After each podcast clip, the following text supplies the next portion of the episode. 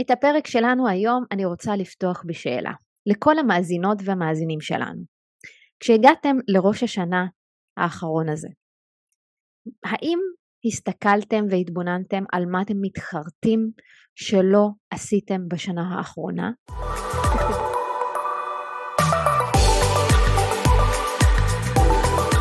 אני המנחה שלכם ושלכם דוקטור מרווה אזם, חוקרת מוח ותודעה ומלווה תהליכי פיתוח מנהיגות אישית ועסקית באמצעות מודל שנקרא one recode שמבוסס על הפרוטוקול הטיפולי שפיתחתי למניעת ירידה קוגניטיבית והיפוכה.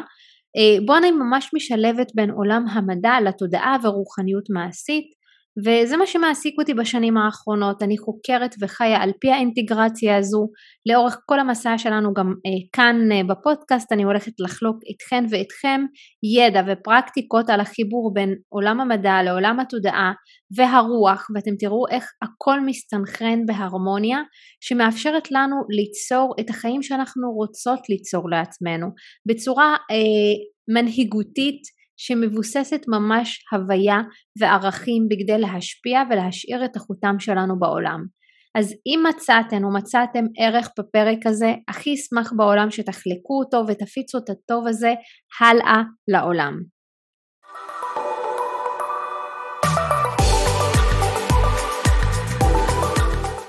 אנחנו רגע אחרי ראש השנה העברי ורגע לפני ראש השנה הלועזי. ורבים מאיתנו אוהבים בתקופה הזו לכתוב רשימה של חלומות, מחשבות, תכנונים, למקד את המבט קדימה למה אנחנו רוצות ורוצים להשיג בשנה הקרובה. אנחנו עושים לוח חזון, כותבים מטרות, כותבים יעדים ובסוף אנחנו מבינים שרוב הסיכויים שלא נממש את מה שכתבנו. למה?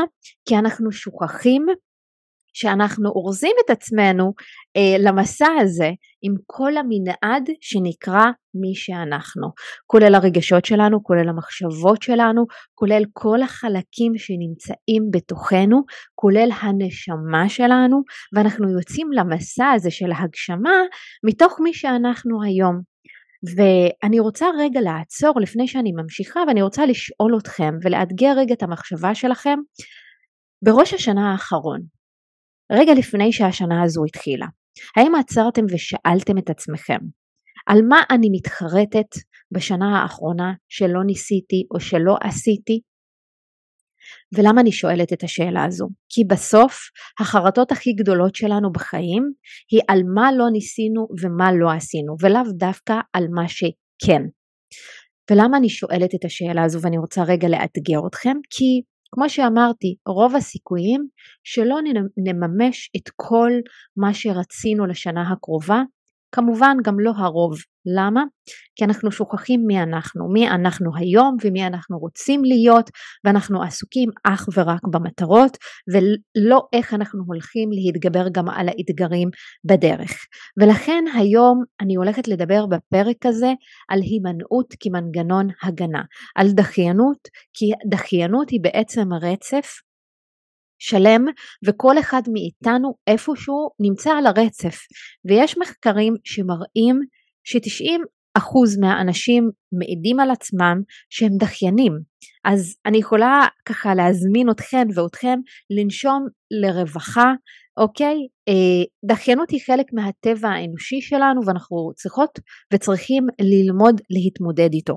אנחנו כבר לא צריכים כמו פעם לצאת לצוד. אנחנו נמצאים בעידן שופע מלא שפע. אנחנו יכולים להשיג כל מה שאנחנו רוצים בלחיצת כפתור ולפעמים זה נראה לנו אה, קל מדי וזה חלק מהאשליה שאנחנו חיות וחיים בה. ונכון יש אנשים שהם מאוד טקטיקנים בתחומים מסוימים תכף אני גם אתן דוגמה עליי אה, ואלה שאנשים אה, שכל הזמן פשוט מתקתקים ונראים לנו מצ... מהצד שהם משיגים כל כך הרבה דברים, סביר להניח שיש להם תחום אחד שבו הם דוחים דברים מסוימים. אני אתן דוגמה, יכול להיות שיש אישה שהיא ממש טקטיקנית בלהגיש עבודות בתוך הקריירה שלה או בתוך העבודה שלה. היא מתקתקת את עבודה, עבודות הבית, אבל אם זה משהו שקשור ללימודים, היא תדחה את זה ואם יש איזושהי שיחה אה, מאוד משמעותית עם הבוס או עם לקוח, היא תדחה את זה, או יש אנשים שידחו את הרגשות שלהם.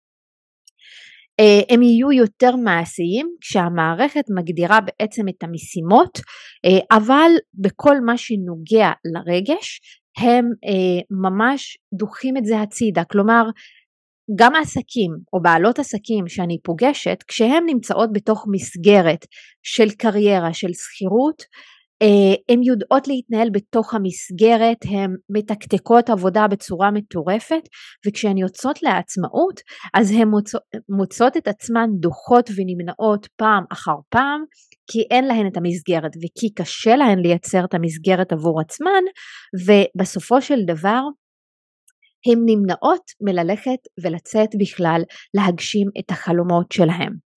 ואני רוצה רגע לתת לכם דוגמה ממשהו שקרה לי היום בבוקר ואני אהיה גם כנה, אני תכננתי היום אה, להקריא איזשהו מכתב שדווקא ביקשתי אותו מהצ'אט GPT אה, שתכתוב מכתב לחברה הדחיינית שלה אה, ובסוף היה מכתב מהמם, אמרתי אני אעשה לו כמה תיקונים קטנים ואני אקריא אותו.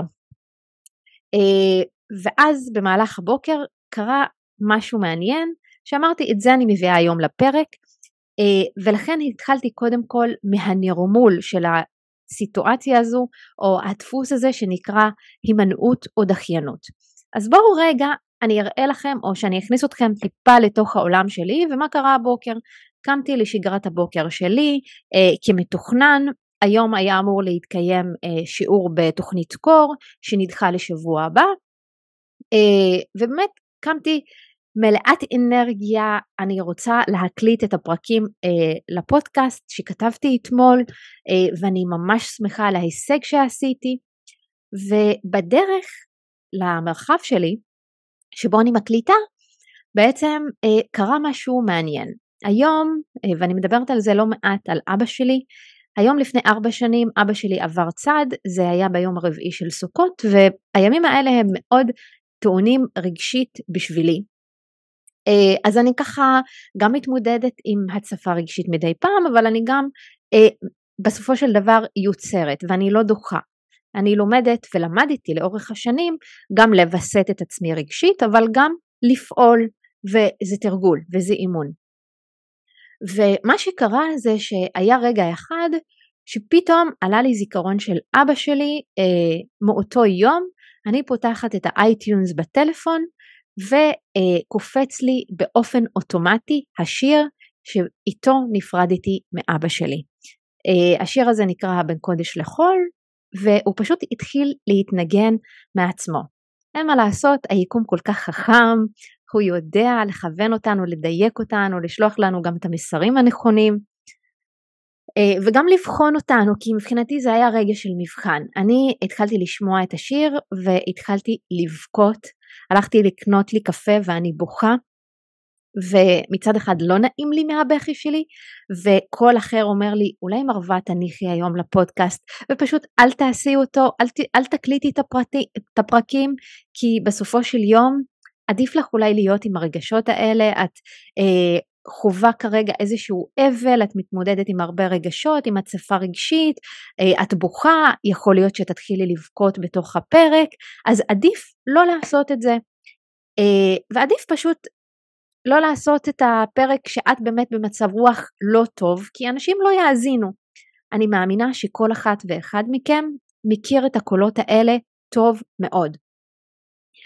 ואמרתי, אוקיי, אני אמשיך לבכות, הבכי זה כמו גל, בסופו של דבר אני ארגע ואני אנשום לרווחה ואני אראה מה יקרה אחר כך. כלומר, רגע נתתי לרגש מקום, אבל חזרתי גם למקום הרציונלי, האם אני כן רוצה להקליט את הפרקים או לא, ואז בשביל בעצם ליצור עוד שלב אחד בריפוי שלי, אמרתי במקום שאני אקריא את המכתב שצ'אט GPT כתב לי לאישה הדחיינית, אני אסביר ואני אספר את הסיפור הזה שקרה לי בבוקר, כי כנראה הוא לא בכדי קרה. כי הייתי יכולה ברגע אחד לוותר על הקלטת הפודקאסטים ולהימנע וללכת לחזור הביתה ולהגיד אני עכשיו מתאבלת ואני לא קמה מהמיטה ואני אתן לאבל הזה לעבור, לשבועיים האלה לעבור ואז אני אחזור להקליט את הפרקים לפודקאסט ואני ארגיש יותר טוב ואני אעשה את זה. אה, וזה בעצם המנגנון ההגנה הזה, ברגע שזיהיתי אותו, הצלחתי להרגיע את הרגש, לחבק אותי, לתת לעצמי מקום, אבל מצד שני גם לפעול מהמקום הרציונלי שלא נמנע ולהתחבר למטרה הגדולה שלי. וכשאני אומרת אנחנו אורזים את עצמנו בדרך להשגת המטרות שלנו, זה אומר שאנחנו נתמודד באופן יומיומי ולפעמים במהלך היום בכל כך הרבה אתגרים, בין אם זה רגשיים פנימיים ובין אם זה חיצוניים, שיבואו ויבחנו כמה אנחנו באמת מחוברים למטרות ולחלומות שלנו וכמה אנחנו מוכנות ומוכנים לצעוד אל עבר החלומות שלנו. ואני מאמינה שכולנו כבר מכירות את הדחיינות הזו שקשורה להגשמת החלומות שלנו במגוון תחומים. אה, ו... זה לרוב הדחיינות שקשורה לדברים שאנחנו מאוד מאוד רוצות אה, וזאת הדחיינות שהיא מנגנון הגנה כמו שאמרתי. היא מגיעה כשאנחנו מפחדות לחוות את הצלחת החלום שלנו את הניפוץ של החלום שלנו. המפגש הזה של החלום שלנו עם המציאות כי באמת היום בבוקר אני ממש השתוקקתי להקליט את הפרקים ורציתי שהם יגיעו לאוזניים שלכם במיוחד שאתן בחרתן את הפרק הזה ולא אני בחרתי אותו. ולבוא ולשמוע לפעמים ביקורת מאנשים, זה יכול לנפץ לי את החלומות שלי שאני מקליטה פרקים טובים ואנשים אוהבים אותם, ועדיף ללכת להשתבלל ולהישאר ברגשות שלי ולהישאר באמוציות שלי. וכמו שה... התוכניות שאנחנו באמת רוצות להוציא, עד שאני לא אוציא אותה, היא תישאר בפנטזיה שלי. למה? כי עד שאני לא אוציא את זה, זה לא הצליח כי בעצם זה לא יצא לעולם.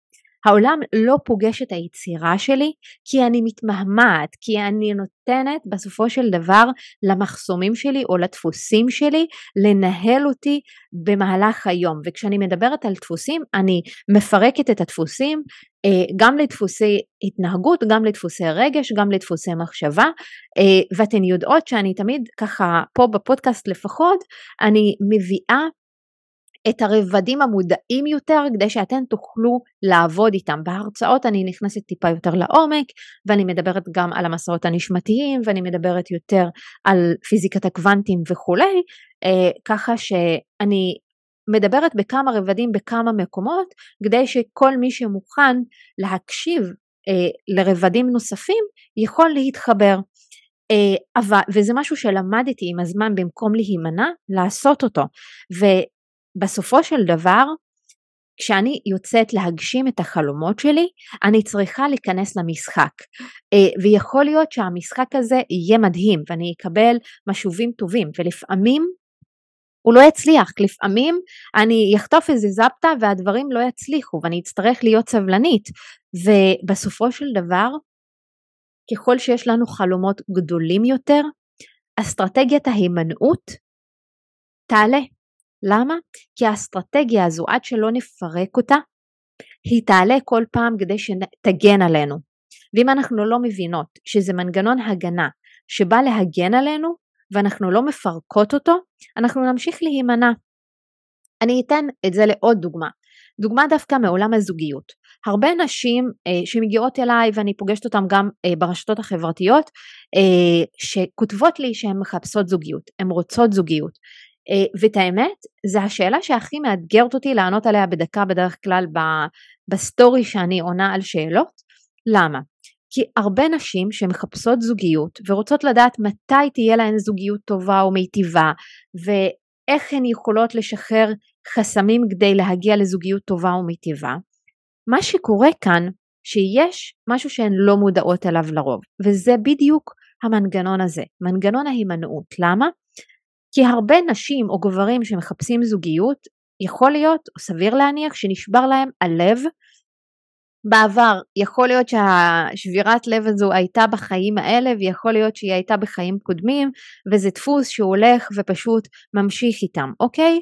אה, ובסוף, על פניו, על פני השטח, הם עושות ועושים הרבה עושים בכאילו לצאת לדייטים והן בעצם מתכתבות עם אנשים, הן עושות הכל לפי הספר, יש להם צ'קליסט, הכל עובד אה, מהמם כביכול בחוץ, אבל זה לא קורה וזה לא מגיע. למה?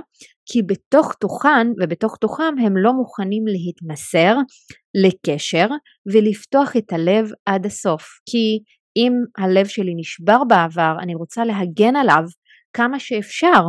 ואם אני רוצה להגן עליו, אז בתוך תוכי יש איזשהו אפקט הימנעות, זה או שאני לא יוצאת לדייטים או שאני יוצאת לדייטים ואני עושה הכל, אבל בתוך תוכי אני עדיין לא מוכנה, אני בפנים מרגישה שאני רוצה להימנע בכלל מקשר זוגי, אז הפעולות שלי לא יניבו תוצאה, ובעצם כשאנחנו לא נותנות לעצמנו את ההזדמנות לחוות את החוויה הזו, אז לרוב זה קשור לפנימיות שלנו ולא לחיצוניות. זה לא קשור לפעולות שאנחנו נעשה, זה קשור לפנימי.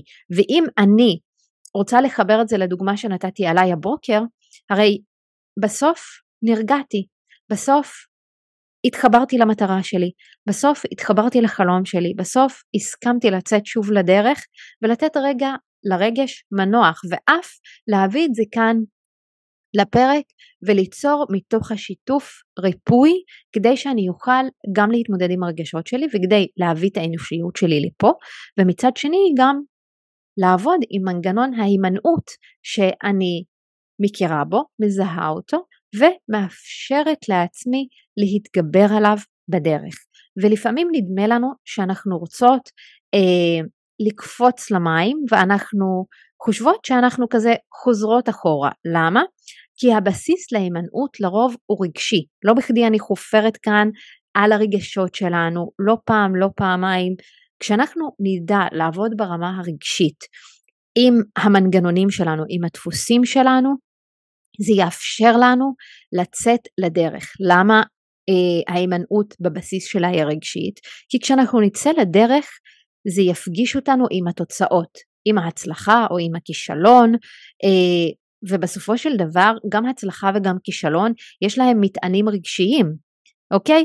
וזה אומר שכל עוד אני לא מוכנה להתמודד עם הרגשות שלי כשאני אכשל ואני לא מוכנה להתמודד עם הרגשות שלי כשאני אצליח, אני לא אצא לדרך, אני לא אתמסר באמת ואני דווקא כל הזמן אשאר בתוך הקונכייה הזו כדי לשמור עליי. ואני אתן דוגמה נוספת, למידה למבחן.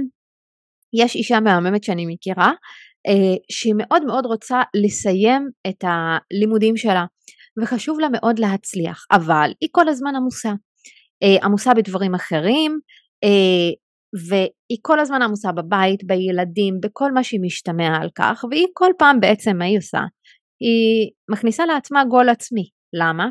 כי טוב הכישלון יגיע כי לא למדתי מספיק וזה קרה לה בכמה מועדים קודם היא נכשלה, למה? כי היא לא למדה מספיק.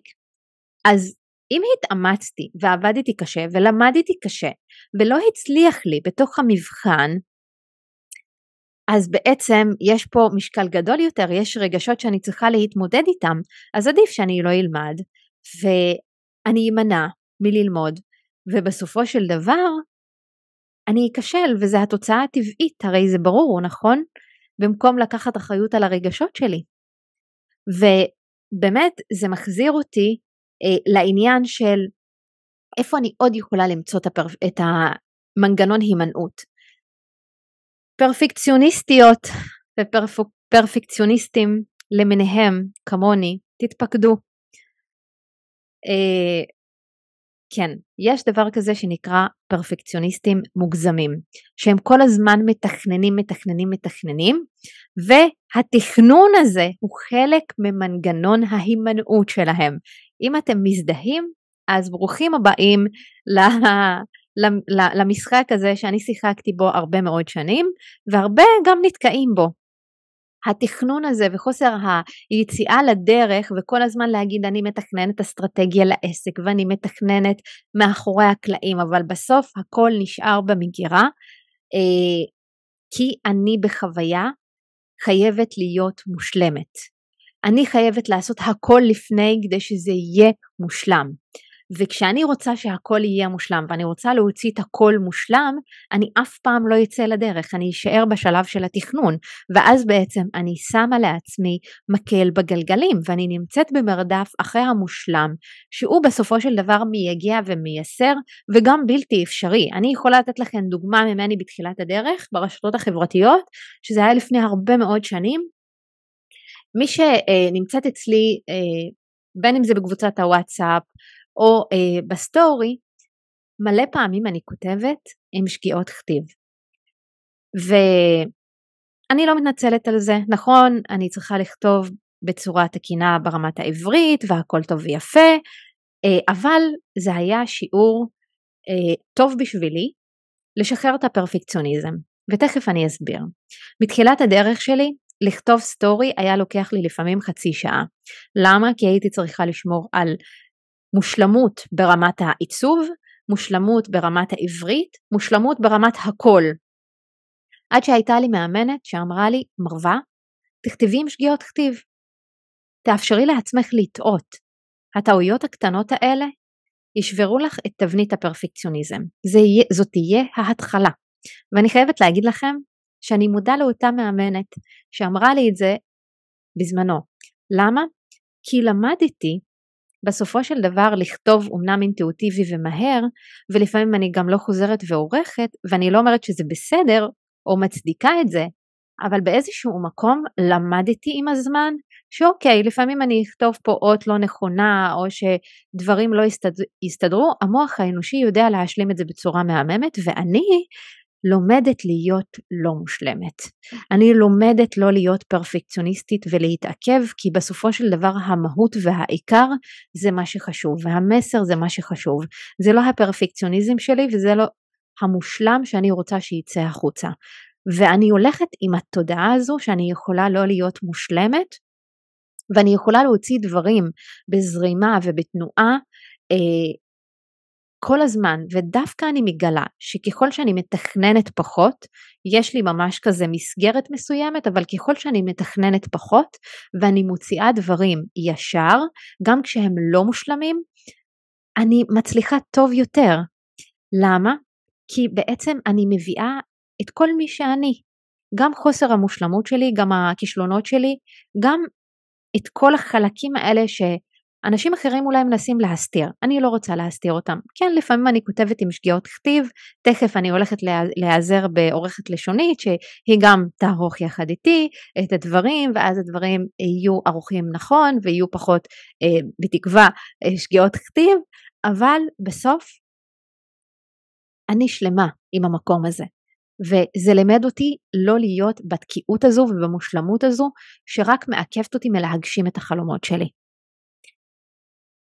ושלא תטעו, אני יודעת שזה לא רק אצלי, וזאת תופעה קיימת. אה, בשביל לא להיכשל אנחנו נמנעים, ומרוב שחשוב לנו שזה יהיה מצוין, זה לא יוצא לפועל. אני אומרת לכם, התמודדתי עם זה הרבה מאוד שנים, אה, עד ששחררתי. אה, גם אנשים ששואלים אותי, שאיך אני נעה בין כל התחומים האלה שאני מביאה, מצד אחד יש לי פרויקטים גדולים שאני מנהלת, מצד שני יש לי את הקליניקה, מצד שלישי יש לי את ההרצאות שאני עושה כל תקופה בזום, אה, ואני אשים לכם גם כאן את הקישור, כי יש שם הקלטות וזה נושאים מרתקים ומעניינים.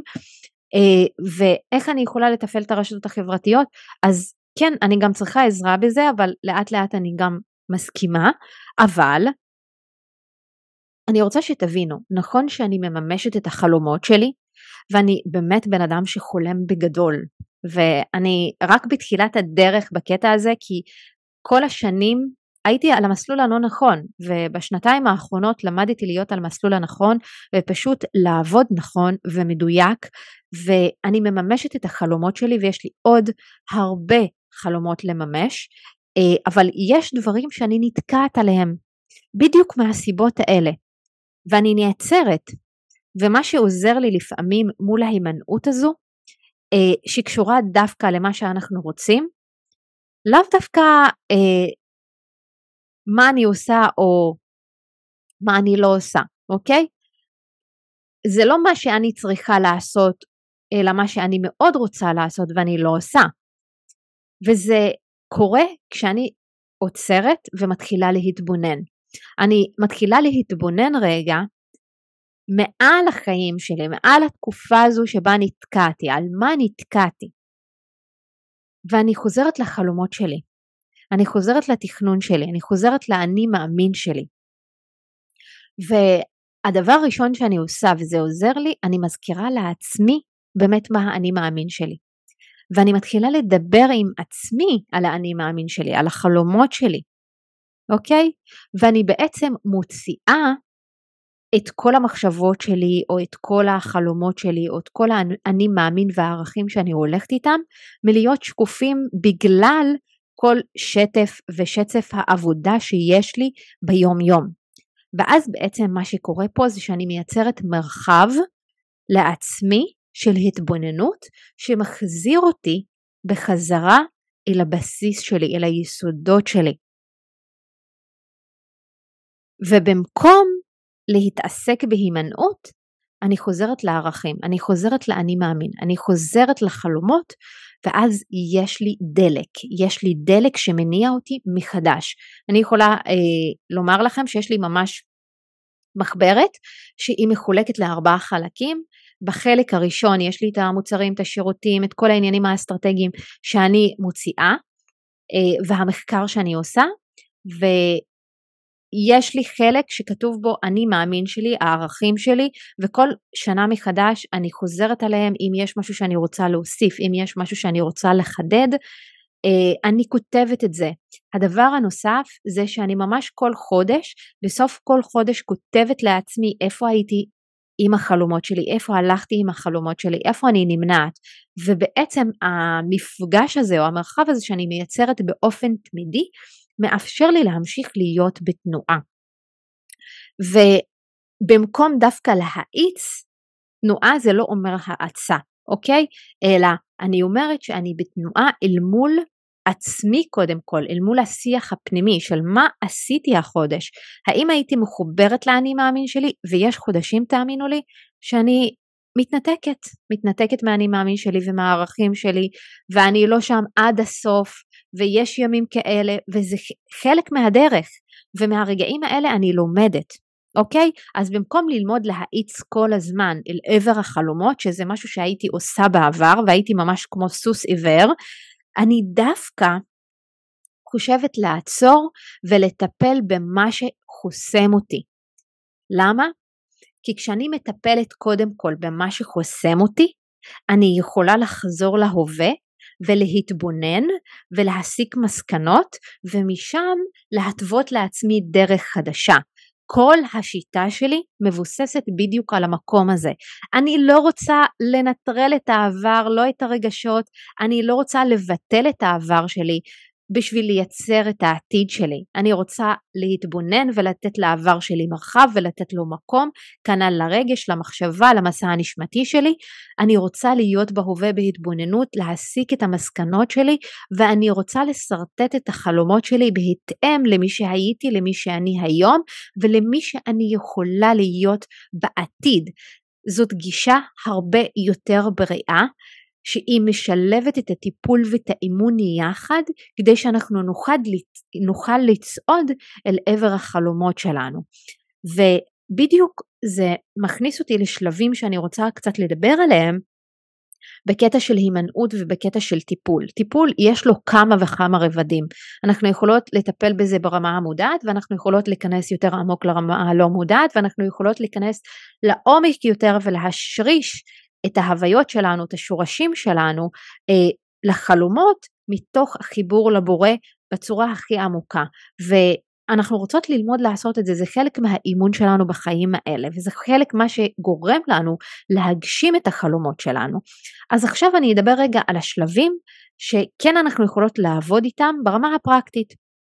כדי שאני אוריד את החסמים, כדי לצאת לדרך, לממש את החלום שלי, אני קודם כל צריכה להבין שאני מוכנה ואני צריכה להסכים לצאת לדרך. כן, זה צריך להגיע בהסכמה, בשיח פנימי וגם חיצוני שאני מוכנה לצאת לדרך וכשאני אומרת לצאת לדרך זה אומר שאני מוכנה להתחייב ולקחת אחריות על מה שיגיע בדרך. אז אנחנו רוצות אה, להגדיר את החלום, אוקיי? וכשאני מגדירה את החלום שלי, אני יכולה לכתוב אותו מול העיניים שלי, לשים אותו מול הפרצוף שלי, ואני רוצה כל הזמן להזכיר לעצמי מה המטרה שלי, מה החלום שלי. כמו שאמרתי לכם קודם, יש לי את המחברת שאני יכולה לפתוח אותה ולהתבונן בה, בדיוק אותו דבר. קחו לכם מחברת חלומות כזו שיכולה ללוות אתכם ותכתבו בה ותעשו את הצעדים האלה ואני רוצה להסתכל בעצם קדימה ואני רוצה לשאול את עצמי על מה אני אתחרט אם אני לא אעשה. שאלתי את השאלה הזו קודם ואני רוצה שוב להעלות אותה כי זאת שאלה שקשה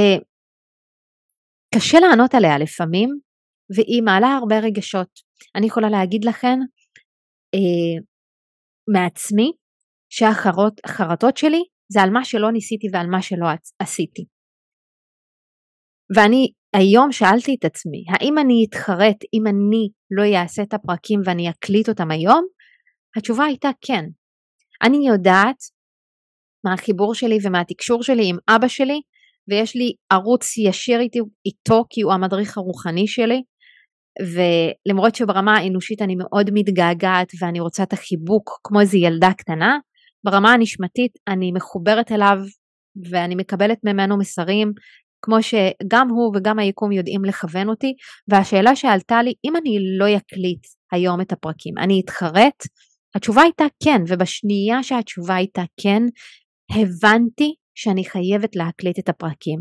ואני יודעת שכשאני אקליט אותם אני אהיה גאה בעצמי וגם הוא יהיה גאה בי כי אני בטוחה ומאמינה ויודעת את זה גם שהוא מאוד רוצה שאני אשפיע והוא תמיד רצה שאני אשפיע, והוא תמיד ראה את זה מעבר לעיוורון שלו ומהלב שלו, ולכן אני מקליטה את הפרקים. בכל דבר בחיים ככה אני נוהגת.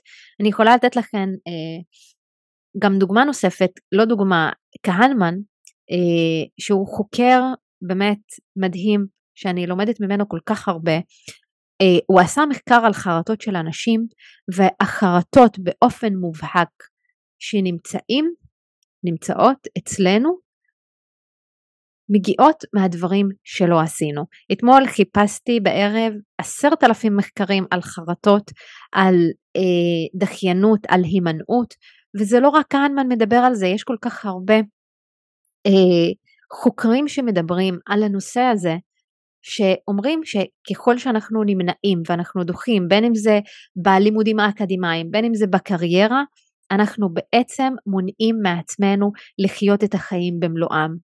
ואנחנו לא מאפשרים לעצמנו לשחק את המשחק הזה של החיים, ובסוף, בסוף החיים שלנו, אנחנו נתחרט על הדברים שלא עשינו. אז תעצרו ותשאלו את עצמכם על מה אתן יכולות להתחרט, בין אם זה בתחילת שנה ובין אם זה גם באתגרים שמגיעים ביום יום. אה, ואני יכולה גם לתת כאן איזושהי דוגמה נוספת. לפני איזושהי תקופה רציתי לצאת עם סדנה אה, שכל כך האמנתי בה, אבל זה לא עבד לי ברמת השיווק. והבנתי שאני צריכה לשחרר ממנה. והייתה תקופה שפשוט הייתי חולה, פשוט התאבלתי על זה. התאבלתי על זה שזה לא עבד לי, לא עבד לי מבחינת השיווק, תכננתי את הסדנה הזו פעם אחר פעם ושיווקתי אותה וזה לא עבד. ובסוף הבנתי שיש הרבה רגשות שהייתי צריכה לתת להן מקום ולתת לאובדן הזה שאני גונזת סדנה. עכשיו זה כמו תינוק מבחינתי, זה יצירה, זה פרי יצירה, אבל אחרי שאפשרתי לעצמי לעבור את התהליך הזה והייתי מחוברת גם למחיר הזה של הכישלון. למרות שבעיניי הוא לא כל כך מחיר שאני מסתכלת עליו כמחיר, אלא על ויתור מסוים. ושהיתי בתוך המקום הזה וחשבתי והרגשתי וקיבלתי, וקיבלתי גם מה שהגיע מתוך המערכת כריזה הפנימית שלי, גם שזה הגוף שלי, הקול שלי, זה מהות של ריפוי מסוימת, שאנחנו יכולות לעבוד איתה, אנחנו יכולות לרטוט אותה מחדש, להטמיר את מה שיש שם, ושוב לנסות, כי לא הכל בטוח יצליח לנו, אבל כשאנחנו זוכרות ואומרות לעצמנו מה הסיכוי שכן זה יהיה, ומה הסיכוי שאני אצליח בפעם הבאה, זה מה שיקרה. אני אתן לכם את התמצית של הדבר הזה. הסדנה הזו לא עבדה, לא כי היא לא הייתה מספיק טובה, לא כי לא שיווקתי אותה נכון, כי רציתי משהו אחר. רציתי אותה בקונסטלציה אחרת. רציתי את זה בתוכנית אימון שבה אני מלווה גם קבוצות וגם אחד על אחד ביחד.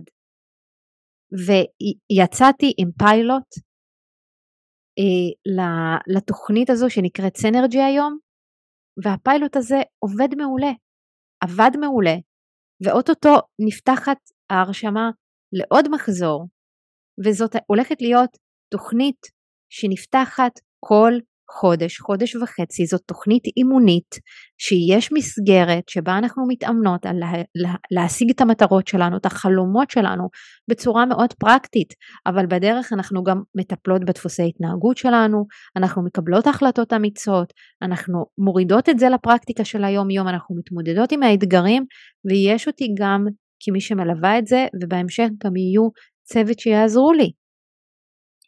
אז נכון, הסדנה לא הצליחה, אבל אחר כך הבנתי מה נכון ומדויק לי. הבנתי איך אני רוצה לפעול. ואני יכולה להגיד לכם, ועל זה אנחנו נדבר בפרק הבא, שבו אני אדבר על תשוקה, התשוקה שלי נמצאת כשאני ביצירה כל הזמן.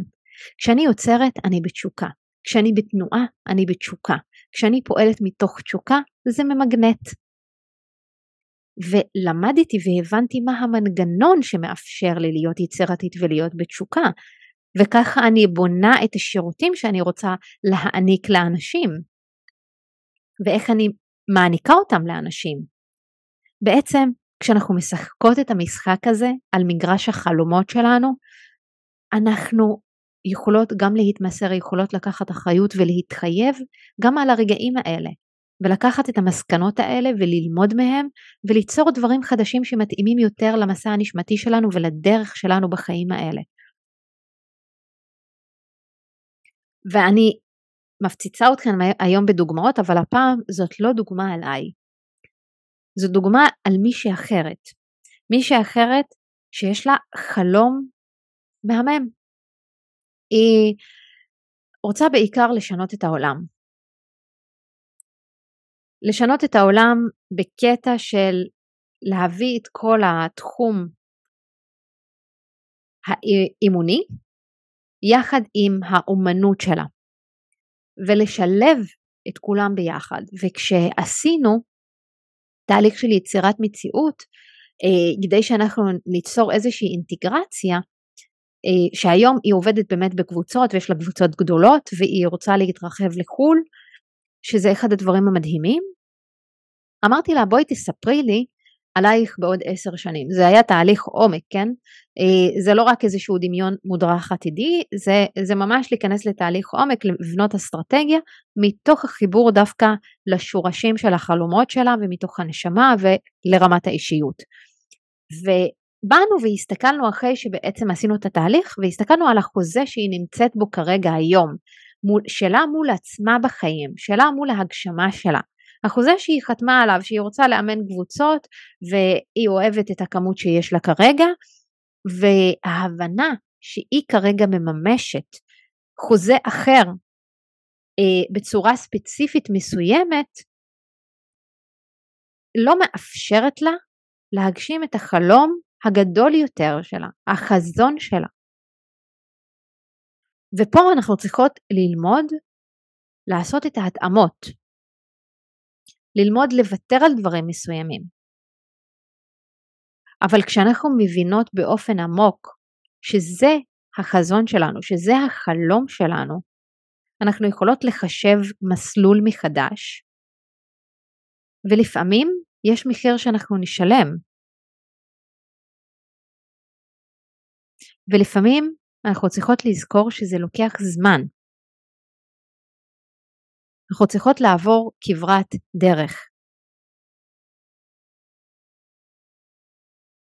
וכן, כשאנחנו בדרך, יכול להיות שאנחנו נוותר על דברים מסוימים לטובת החזון שלנו, לא משנה מה החזון שלנו, לא משנה מה החלום שלנו. ואני לא אומרת שזה צריך להיות אחד על חשבון השני. אפשר גם וגם, רק צריך לראות איך אנחנו בונות קונסטלציה של גם וגם. בין אם זה לשלב בין הזוגיות שלי לבין העסקים שלי, בין אם זה לשלב את הטיולים שלי בעולם אה, לבין מה שאני רוצה להשפיע ולהביא לעולם. ואני רוצה להתכנס אל החזון הזה ולמצוא את הדרך שנכונה לי. ולפעמים כשאנחנו בעצם עושות את הדבר שחשוב לנו, אנחנו לא נרגיש שזה איזשהו מחיר שאנחנו משלמות, אלא שוויתרנו על משהו ואין תחושה של פספוס, אלא שוויתרתי על משהו לטובת משהו אחר. וכן, אני יכולה לומר שבחודש האחרון אני אמרתי לא לשני פרויקטים ממש נחשקים, מכיוון שיש לי העדפה להשקיע בלבנות בסיס ולעלות ממנו בהשפעה שלי. להשקיע בפודקאסט, לבנות את האתר שלי, לסיים אותו, להשקיע בהרצאות שלי, במחזורים חדשים של תוכנית סנרג'י ותוכנית קור, כי יש לי יעדים ויש לי מטרות ויש לי מאוויים לנשמה שלי, ולהגיד לא מבחינת מישהו אחר זה היה יכול להישמע כמו מחיר מאוד גדול ששילמתי. אבל מבחינתי זה לא, זה ויתור. זה ויתור נכון לר... לרגע הזה, ואני בטוחה שיצמח מכל מה שאני עושה כרגע משהו טוב עבורי, וטוב עבור כל הנשמות שנמצאות סביבי, וסביר להניח שפרויקטים חדשים יגיעו כשאני אהיה מוכנה לקבל אותם, אני אגיד כן.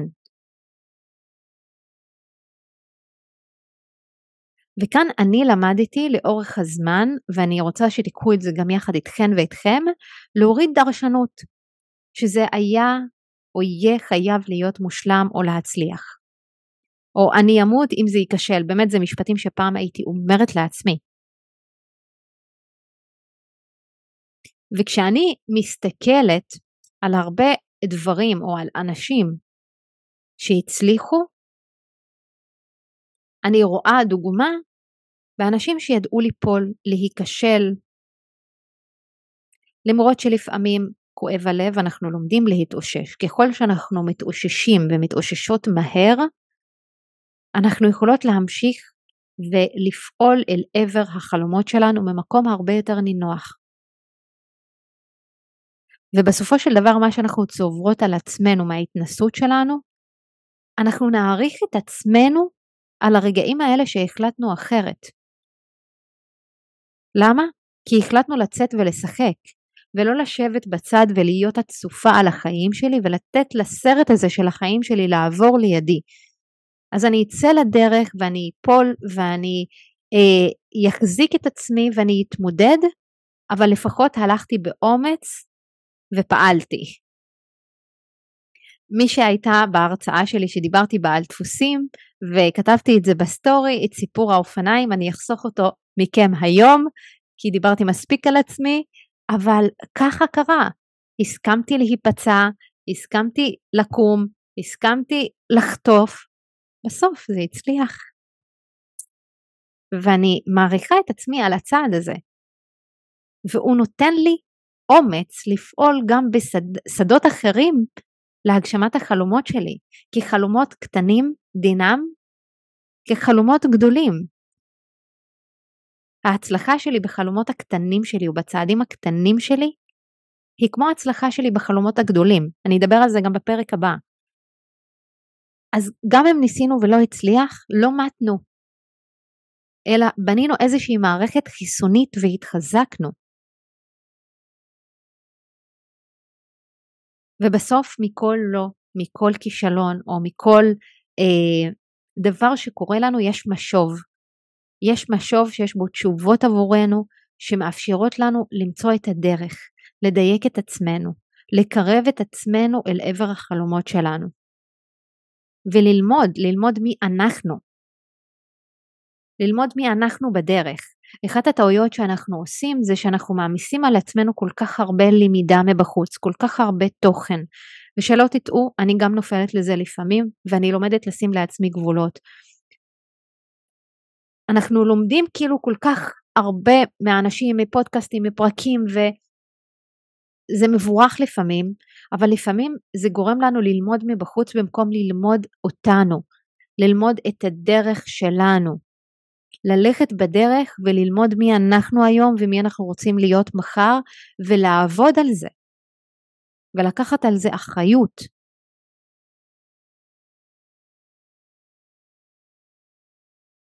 כי יש דברים שאני לא אצליח לעשות בזמנים מסוימים, אבל יגיע הרגע הזה ואני מתחילה להמריא. אוקיי? וכמו שמיכאל אמר לי בסיפור הזה של האופניים, אני ממשיכה לסקרן אתכם, כי אני רוצה גם שתירשמו להרצאה ותקשיבו למה שדיברתי שם, אה, ותלכו ותעמיקו. אה, ומיכאל אמר לי כזה, את במשך שמונה שנים, קצת יותר, לא הצלחת לעשות את זה, ופתאום את ממריאה. זה היה משפט שכל כך רגש אותי, כי אז ניסיתי, יצאתי, ניסיתי לעשות את זה, לא עבד.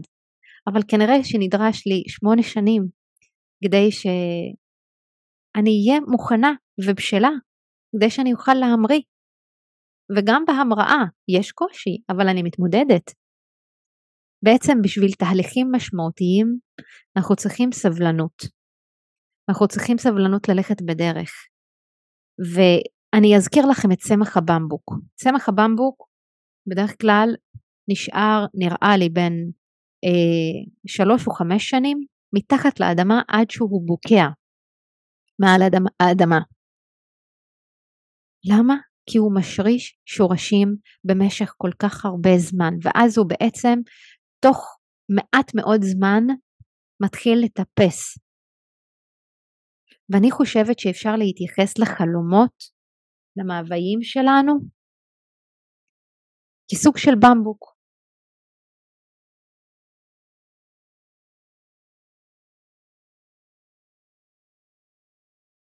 וכן, יש דברים שנעשה ויהיה להם תגובה מהירה יותר וזה לא יהיה כמו במבוק, אבל אנחנו רוצים גם וגם. אוקיי? Okay? ויש נשים שמגיעות אליי נניח, ובמיוחד כשאני מלווה בעלות עסקים שאומרות לי, אני דחיינית, תהיי קשוחה איתי. לפעמים אה, אנחנו יוצרות יחד משהו, אה, ואני אומרת, תראי, זה שאת דחיינית אני יכולה להבין, אני יכולה אה, לבוא ולפעמים לכוון אותך, ולפעמים לבוא ולשים לך את הנקודות, אבל לא בטוחה שאני יכולה לעשות את זה בשבילך. אני יכולה להיות שם בשבילך, אני יכולה לתת לך יד כדי שתקומי. אני יכולה לכוון אותך. ולפעמים יידרש זמן עד שהדברים יסתדרו, עד שתצאי החוצה. ונשלים את כל המעגל הזה של היצירה שלך, של העסק שלך, של היזמות שלך.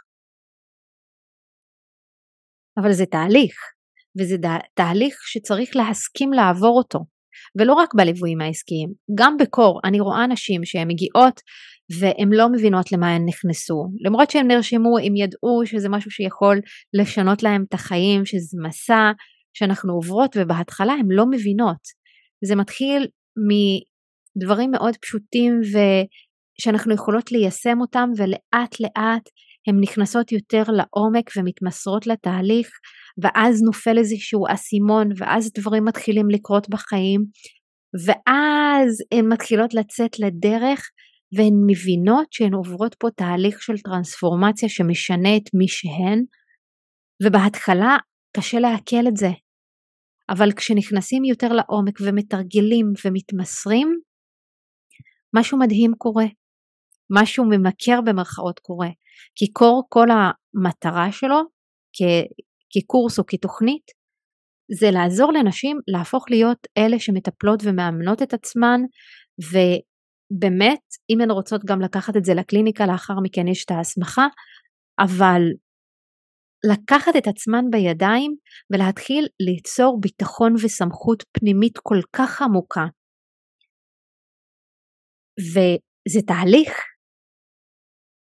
אני לא יכולה לגלות את הכל בתחילת התהליך, ואני לא יכולה לעשות את התהליך במקומן.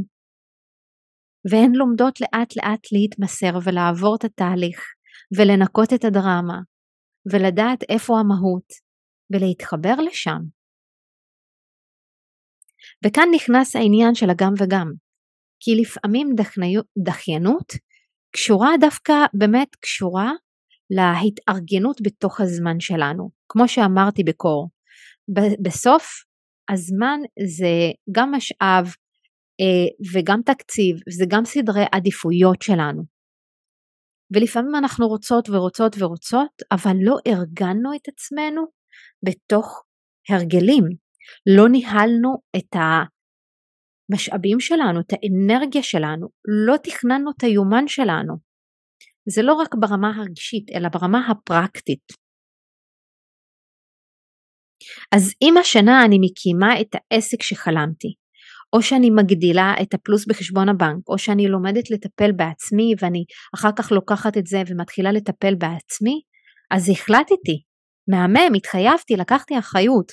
חלק מהמחויבות שלי היא גם לשים את זה ביומן, ליצור לזה מסגרת, ולראות איך אני מכניסה את זה ביומן פעם בשבוע, או אפילו חצי שעה ביום. אוקיי? וברור לנו שלפעמים יש עצירות וזה חלק מהדרך, אבל בסוף, בתוך גריד הלוח זמנים שלי, יש הרגלים שאני בונה. ולוחות הזמנים שלי חשובים בשביל שאני לא אדחה דברים, אלא בשביל שאני אשאר בתוך המסגרת הזו. אז אני כן, כמו שאמרתי, רוצה לטפל ברובד הרגשי, בדפוסים שלי, אל מול הכסף נניח, או אל מול התזונה שלי, או אל מול הקשרים או התקשורת שלי. אבל עדיין אני רוצה ליצור מסגרת, מסגרת שהיא תוכל לאפשר לי לבנות הרגלים ולבנות שרירים, זה בדיוק כמו שאני הולכת לחדר כושר. אחד המטרות שלי בשנה הקרובה זה באמת לכתב את הגוף שלי.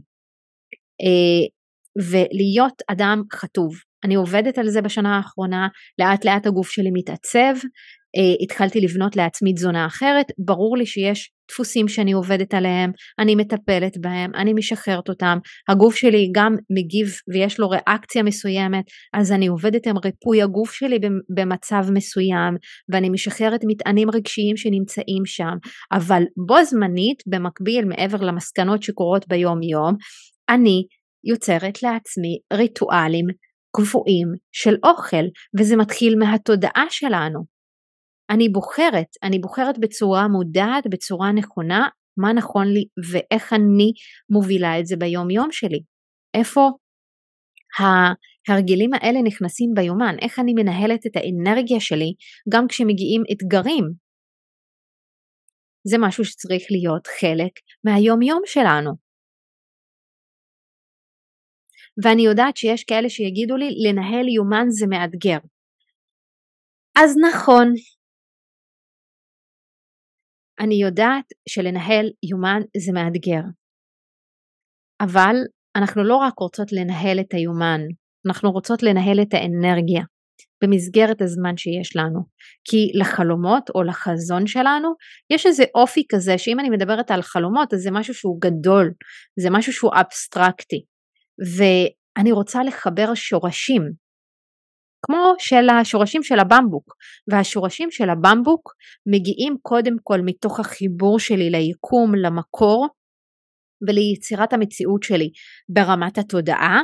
בתוך הריפוי הזה אני גם עובדת, כמו שאמרתי, ואני לוקחת את המסקנות ואני יוצרת הרגלים וזה אחד משלים את השני, וכשאני מדברת על האינטגרציה זאת אינטגרציה שאנחנו צריכות ללמוד לעשות אותה במקביל. ולכן כשנשים אומרות לי אין לי זמן, זה אומר שהחלומות שלהן הם לא בסדר העדיפויות שלהן. כשאני שמה חלומות במסגרת פעולה מסוימת או מטרות או יעדים, ובניתי לעצמי איזשהו סדר אה, עדיפויות, אני עוזרת לעצמי לממש את זה ברמה הפרקטית. והאם אני כל הזמן צריכה לדעת לנהל רשימות ומשימות? אז לא בהכרח. אני, אני אסביר את זה גם, בשביל שאתן תבינו כמה זה חשוב, כי לפעמים אנחנו נמנעות כי יש לנו חלומות מאוד גדולים או מפחידים.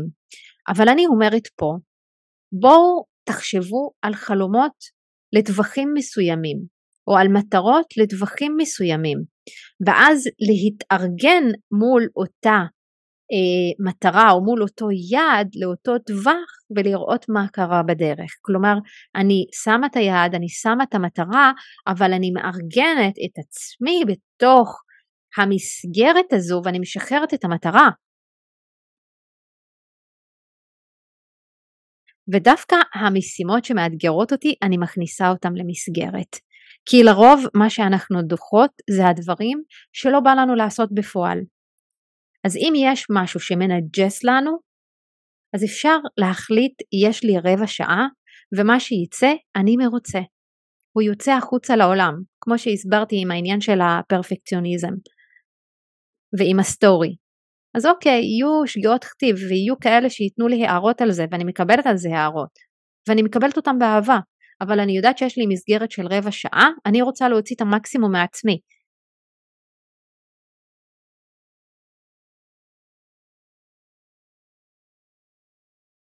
כנ"ל עם הפרקים של הפודקאסט. אני משתדלת כמה שיותר, בסופו של דבר, לעשות הקלטה אחת, ומה שיוצא ומה שאני מדברת בתוכה, אני פשוט מרוצה ממנו עד הסוף. לא הכל יצא מושלם, לפעמים יוצא לי פרקים ארוכים, לפעמים יוצא לי פרקים קצרים, אני פחות רוצה להתעסק בעריכה. אבל יש לי טווח זמן של עבודה ובו אני עובדת, יש לי מסגרת.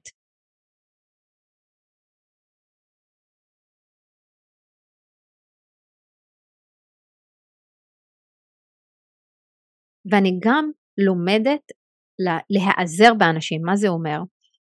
כשאני עוצרת, למדתי אחד הדברים שיכולים לעזור לי בשביל לשחרר את ההימנעות או את הדחיינות. לי יש כבר קהילה שמתגבשת וגדלה, ואו שאני עושה התחייבות חיצונית, או שאני נעזרת. ומה זה אומר? זה אומר שביום שישי כתבתי סקר בקבוצת הוואטסאפ על נושאים שבא לי לדבר עליהם. ובסוף מה שהאנשים שנמצאות בקבוצה הצביעו, נבחר כפרק של היום. יש עוד שלושה פרקים נוספים שהם רוצות שאני ייצור, ואין בעיה, כתבתי אותם במסגרת הזמן שיש לי. וכשרציתי שמישהי תכתוב לי על דחיינות, והיא לא כתבה, אז אמרתי, אוקיי, סבבה, בוא נעזר בצ'אט GBT. אז נעזרתי בצ'אט GBT, ובסוף, תוך כדי תנועה, החלטתי שאני מביאה את הסיפור שלי. עכשיו שימו לב, לנהל את הדבר הזה זאת משימה, זאת מטרה, להקליט פרק זאת משימה. אני אראה לכם איך זה התחיל ואיפה זה מסתיים. זה התחיל בזה שקודם כל שאלתי שאלה, לאחר מכן החלטתי איזה פרק, כתבתי אותו, אחרי שכתבתי אותו אני פה מקליטה אותו, לאחר מכן אני עושה עריכות ממש ממש בקטנה, לאחר מכן אני כותבת את התיאור, וכמובן חיפשתי מחקרים וכאלה, זאת מטרה, זו משימה שניהלתי. ניהלתי אותה, אמנם היא כתובה לי, אבל כל פעם פירקתי אותה ובכל יום עשיתי משהו אחר. ככה שזה בסופו של דבר נכנס לי בכמה חלונות זמן, שזה לא מעיק עליי. בסופו של דבר כל המשימות האלה יוצרות תוצר אז במקום להתייחס לזה כמשימה מייגעת, אני משנה את התפיסה שלי ואני מפרקת את המשימה למשהו קטן יותר, משהו שיניע אותי לעבר הפעולה הראשונה ומשם אני מתחילה בעצם לעשות את סדרת הפעולות הזו במקום לתת להם להטריד אותי אני מנהלת אותם. ואז אני משנה גם את היחס שלי למשימות כי אני יודעת שיהיו נשים שיאזינו כי ביקשתן את הפרק הזה וכשאני משנה כל פעם את התפיסה שיש מישהו שמקשיב ואני מקליטה בשבילו, הרצף של הפעולות או המשימות האלה הופך להיות בעצם קל יותר. גם אחרי הפרק המשובים שאני מקבלת מלמדות אותי הרבה. ויש לפעמים אזורים שקשה לנו איתם. לרוב יהיו לנו דברים שנמצאים בעולם התוכן שמעניינים אותנו וזה כיף לנו ואנחנו חושבות ואנחנו יוצרות אה, ואנחנו עושות את סדרת הפעולות הזו בצורה מאוד מאוד אה, אינטואיטיבית וזה כבר קורה לנו באוטומט. אה, אנחנו מבינות מה עשינו, אנחנו ממש ככה עושות איזשהו מהלך של להתבונן מה עשינו ולהבין את המהלכים ולדעת אותם ולעשות אותם פעם אחר פעם ובסוף לדעת שזאת המשימה וזה מה שלוקח לי מבחינת זמן ועם זה אני מתקדמת. וכאן נכנסת ההקשבה לקול הפנימי. למה אני מדברת רגע על הקשבה לקול הפנימי בקטע של המשימות? כי לפעמים צריך רגע להניח זמן ולחזור לזה. לחזור לזה כשאני בשלה. לשחרר את הלחץ והדברים מסתדרים מעצמם וזה נקרא להרפות. אה, כמו נניח אתמול, אתמול בבוקר קבעתי אה, שיחת טלפון אה, עם אדם אה, מסוים שקבענו שנעשה שיחה לגבי פרק שאנחנו רוצים להקליט או הם רוצים גם להזמין אותי לאיזושהי הרצאה והתקשרתי ובסוף אה, לא היה מענה.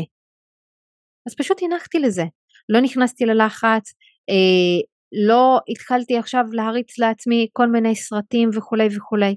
אני יודעת שברגע שאני מניחה את הדבר הזה זה יגיע בזמן המדויק עבור כל אלה שנמצאים בתוך הסיפור הזה.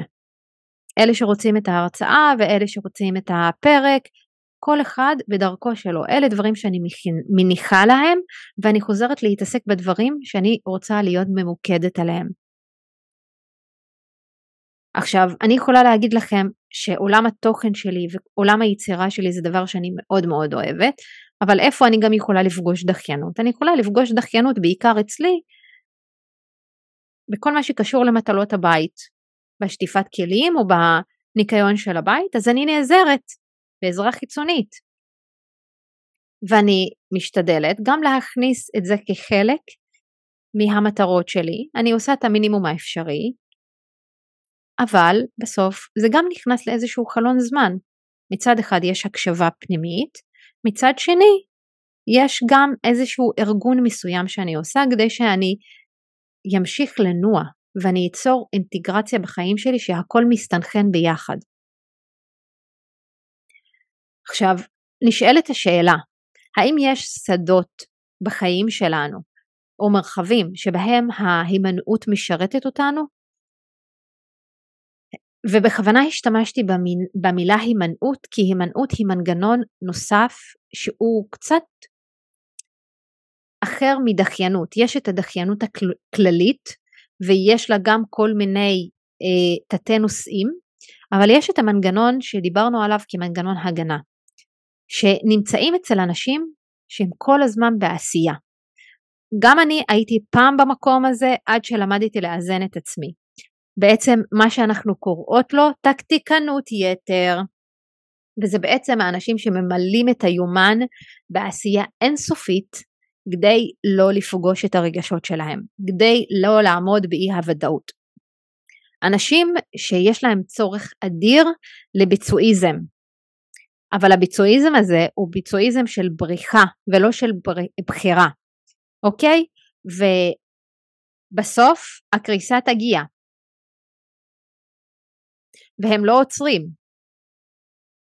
אנחנו בעצם מדחיקים את הרגשות שלנו ואנחנו ממלאים את היומן בעשייה במקום בנוכחות לפרקים מסוימים כדי שאנחנו לא נתמודד עם הרגשות שלנו. ואז הרגשות האלה מתחילות איפה לצוף או בגוף או בכל מיני אה, דיכאונות או רצון שאנחנו לא רוצות יותר להגיע לעבודה או להמשיך לקיים את העסק שלנו או להגשים את החלומות שלנו. בעצם אנשים שהם כל הזמן בעשייה וזה חלק מהאסטרטגיית הימנעות שלהם כי הם לא רוצים להתמודד עם הרגש, זה בא בעוכרם בסוף. כי הם רוצים לשלוט, הם לא רוצים את האי ודאות.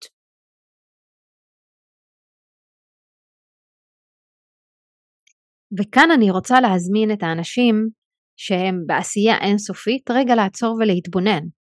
לפני שתגיע הקריסה. אני יכולה להגיד לכם שאני חוויתי את זה במשך הרבה מאוד זמן, לפני שפתחתי את העסק, ובכלל כל היציאה שלי לדרך הגיעה מהמקום הזה. שכל הזמן התעסקתי בלעשות במקום גם להיות במקום הרגשי שלי, ולהיות נוכחת. הגוף מדבר, התודעה דרך הגוף מדברת אלינו. אז במקום לברוח כל הזמן לעשייה או לדבר הבא, אנחנו רוצים גם לעצור ולתת מקום, ולא לתת לאסטרטגיית ההימנעות הזו מהרגשות שלנו לנהל אותנו. שימו לב אם יש לכם את האסטרטגיית ההימנעות מתוך המקום הזה.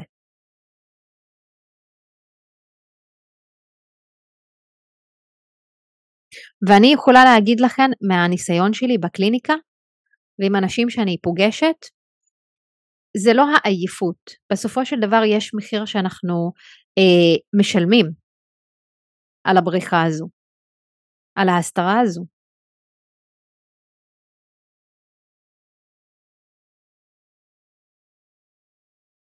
וחבל שאנחנו נגיע, נגיע למקום הזה. חבל שאנחנו נגיע לכל מיני כאבים פיזיים שמשתקים אותנו, או להגיע למקום שבו אנחנו מתמוטטים ואנחנו לא רוצים יותר. וברור שלכל אחד בסוף יש את הקצב שלו ואת הדרך שלו, ואנחנו רוצות גם ורוצים ללמד, ללמוד את הקצב שלנו. יש כאלה שהקצב שלהם מהיר יותר, יש כאלה שהקצב שלהם איטי יותר וזה טבעי וזה הגיוני, אבל בסוף עדיין אנחנו רוצות לבדוק אם אנחנו מאפשרות מקום ומרחב לרגשות שלנו ולא רק שמים את העשייה כאיזושהי אסטרטגיית הימנעות מהרגש. ויש אה, עוד נקודה מסוימת שעולה ממחקרים על אה, דחיינות ועל הימנעות היא התפיסה שכשהמוטיבציה שלי תבוא או כשתהיה לי מוטיבציה אז אני אפעל ואז כל הזמן אנחנו מחפשים מוטיבציה חיצונית וכוח רצון. איפה? בלצרוך תוכן.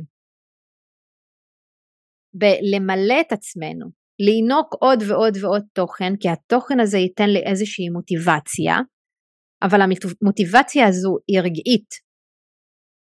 עכשיו, איך אנחנו מפעילות את המוטיבציה הפנימית שלנו? דווקא מהפעולה.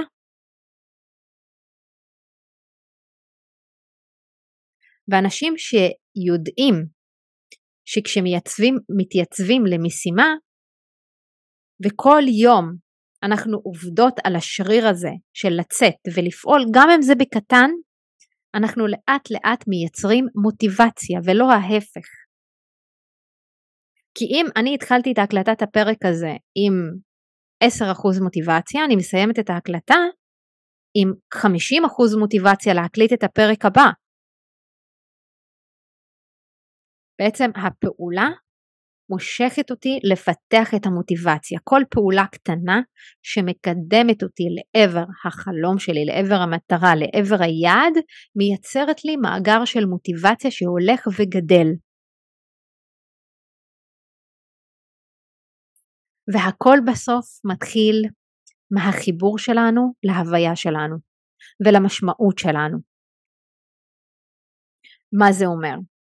זה אומר שבשדה הקוונטי שלנו, או בשדה האנרגיה שלנו, של מי שאנחנו, כישויות, יש אנרגיה אינסופית, ויש תדרים אינסופיים שאנחנו יכולות לעבוד איתם, אנחנו רק צריכים ללמוד להיחשף אליהם. התדרים האלה או המקומות האלו, השורשים האלה, כמו שאני קוראת להם, חלק מהם זה גם הערכים שלנו. והערכים האלה מביאים לנו משמעות ברמת הנשמה. כשאנחנו מכירות את הדרך הנשמתית שלנו, את הייעוד הנשמתי שלנו, אנחנו יכולות לגלות מהי משמעות. מהי המשמעות של הקיום שלנו. אבל לא רק להבין אותה בגבוה, אלא לחוות אותה עד הסוף.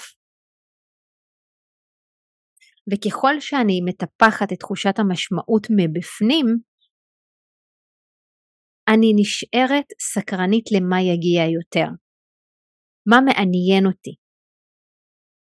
וכל יצירה וכל פעולה בתוך היום-יום שלי יש לה משמעות. יש לה משמעות בכל מיני רבדים, גם עבורי וגם עבור אנשים אחרים. כי כולנו כאן, לרוב, גם מי שככה נמצא בתודעה גבוהה יותר יודע שאנחנו באנו לפה בשביל להביא את המשמעות שלנו לעולם, להביא את המהות שלנו לעולם, ליצור משהו משמעותי בעולם. וכשאני מדברת על ליצור משהו משמעותי לעולם, זה לא בהכרח חייב להיות משהו גרנדיוזי. גם כשאת אימא והילדים שלך משמעותיים והתקשורת שלך איתם נבנית בצורה נכונה, את משמעותית עבור הילדים שלך. גם כשאת בת זוג ואת מממשת זמן האיכות שלך ואת מרגישה שיש לך מקום ומשמעות בתוך הזוגיות ואת נותנת גם לבן זוג שלך להרגיש שהוא משמעותי בחיים שלך, את יכולה לטפח ערכים ולשמור ולהביא תדר שיכול להניע אותך מבפנים אל עבר ההגשמה שלך. ודווקא במקום לטפח את הנמנעות, אנחנו מתחילים לטפח משמעות. ושימו לב לשורש של משמעות ומשמעת. אם אנחנו רוצים שתהיה לנו משמעת, לא כזו נוקשה וקשה, אנחנו חייבים לגלות את המשמעות שלנו ואת מי שאנחנו באמת. כי מי שאנחנו באמת זה לא מי שמשחק את המשחק הזה, זאת לא רק האישיות שלנו והרגשות שלנו והמחשבות שלנו, זה הרבה יותר מעבר, זה גם לא הנשמה שלנו, זה החיבור שלנו לאחדות הזו שנמצאת שם והגילוי שלנו אותה וממנה לפעול, ממנה להצמיח שורשים בדיוק כמו הבמבוק. ועכשיו אני אאסוף את כל הפרק ואני אסכם אותו. היה לנו פרק די ארוך שבו דיברנו על משמעות ודיברנו על הימנעות. דיברנו על הימנעות ודחיינות כמנגנון הגנה. דיברנו על איך אנחנו יכולות להתגבר על ההימנעות הזו שיש ולהסכים לצאת לדרך, לקחת אחריות ולהתחייב, להסכים להיכשל וליפול ולהיפצע ובסופו של דבר להסכים לצאת ולשחק את המשחק הזה. ולהבין שלהימנע כאסטרטגיה זה לא מה שיקדם אותנו, התכנון יתר של הפרפקציוניזם שלנו זה לא מה שיקדם אותנו, אבל גם הימנעות מלפגוש את הרגשות שלנו כאסטרטגיה שמאפשרת לנו כל הזמן להיות בעשייה ולדחוק את החלק הזה, את המנעד הזה, זה לא מה שיאפשר לנו להגשים חלומות. ו... אני אסיים דווקא עם הדבר שהתחלתי איתו. אנחנו אמנם רוצות לכתוב חלומות ויעדים ומטרות לשנה הקרובה, ואנחנו רוצות להגשים אותם. אבל רגע לפני שאנחנו יוצאות להגשים אותם, תזכרו שאנחנו אלה שיוצאות להגשים את החלומות שלנו, והיעדים והמטרות והחלומות האלה לא יתממשו ולא יתגשמו מעצמם. אנחנו רוצות לקחת את עצמנו צעד אחד קדימה מתוך הבנה מה יש לנו להתחרט עליו, אבל גם מה אנחנו רוצות לממש בהתאם למסע הנשמתי שלנו, לדרך שלנו, למסלול שלנו, ואיך אנחנו לוקחות את המשחק הזה באיזי, ואנחנו נהנות מהדרך, ואנחנו לוקחות בסופו של יום את כל הדרך הזו, ואנחנו לומדות ממנה לטפח את החלומות שלנו, לטפח את ה... המשמעות שלנו בחיים ואת המהות שלנו בחיים ואנחנו משפיעות, משפיעות על החיים שלנו ועל החיים של האחרים כל פעם ברובד אחר עד שאנחנו מגיעות לאינטגרציה שבה אנחנו מרגישות שלמות עם מי שאנחנו בדרך. ועד כאן הפרק שלנו היום ואני רוצה לבקש מכל אחת ואחת מכן אם הפרק הזה היה משמעותי עבורכן ועבורכם אני אשמח שתשלחו אותו לאדם אחד שיכול להירתם מהתוכן הזה ולהפיץ את התוכן המשמעותי הזה שאני מביאה אותו באמת מכל הלב. כי יש הרבה אנשים שרוצים לממש חלומות, להגשים את עצמם ולפעמים הם נמנעים וחבל. אפשר לפעמים לקצר גם את הדרך כשאנחנו לומדים ומסכמים ומסכימים ומתחייבים לצאת לדרך. אז חשוב לי שהפרקים יגיעו לכמה שיותר אוזניים, אז תשלחו אותם ואני לגמרי אשמח לקבל משובים על הפרקים פעם אחר פעם, אז או שתשלחו לי בוואטסאפ או במייל, זה תמיד משמח אותי וגם עוזר לי ליצור לכם תוכן שהוא משמעותי עבורכן ושיכול לעזור לכם. הדבר הנוסף בימים אלו אה, מתקיימת סדרת ההרצאות שלי מריפוי להגשמה עצמית אה, משורש הנשמה. זאת סדרת הרצאות שבה אני מדברת גם על הדפוסים שלנו, גם על ריפוי הגוף שלנו. אה, היום הולכת להיות הרצאה על ההדרכה הרוחנית שלנו ועל מימוש הייעוד שלנו בהמשך ועל יצירת המציאות. אה, זאת סדרת הרצאות מרתקת, מעמיקה, שאתן יכולות לצפות בה בהקלטות, אה, גם להרצאות שכבר קיימתי יש הקלטות, תוכלו לצפות בהן.